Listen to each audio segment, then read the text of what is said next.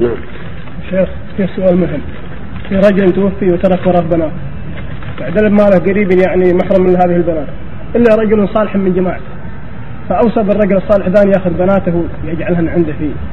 فأخذ هذه البنات ورباهن وأحسن تربيتهن وزوجهن جزاه الله خير ولكن هذه البنات يسلمن عليه بالحين يعني يحرم يعني يحرمن عليه ويسلمن وعلى كل حال مأجور إذا أوصى إلى رجل تولى بنات لما ما وراء أحد يتولاهن.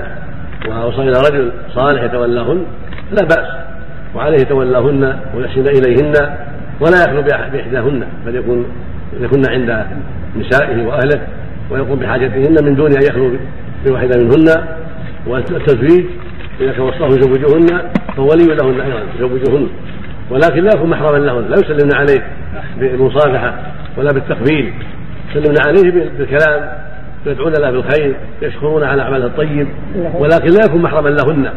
حين يكون مثل أبيهن أو أخيهن لا. لا يصافحون لا يصافحنه ولا يفتشن له بل يحتجبن عنك كسائر الأجانب ولا يصافحنه بل يسلمن عليه بالكلام. لأن المصافحة للنساء ما تجوز. يقول النبي صلى الله عليه وسلم إني لا أصافح النساء. قال عائشه رضي الله عنها أنه صلى الله عليه وسلم لما بايع النساء قال ما مست يده يد امرأة قط. ما كان يبايعهن إلا بالكلام عليه الصلاة والسلام.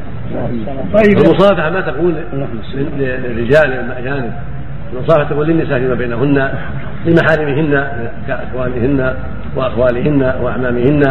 أما يصافح أن يصافحن آه، أخ الزوج أو زوج الأخت أو بني العم سواء كان عند قدوم السفر أو غيره لا. لا تجب مصافحة النساء بل هي من أسباب الفتنة ومن أسباب وقوع المحارم. نعم. لو جيتك يا شيخ؟ نعم. لو جيتك هناك الرئاسه تكتب لي عليه لاجل يقتنعن يعني. ما في بس يا أخي يتخذ هذا الحين مثل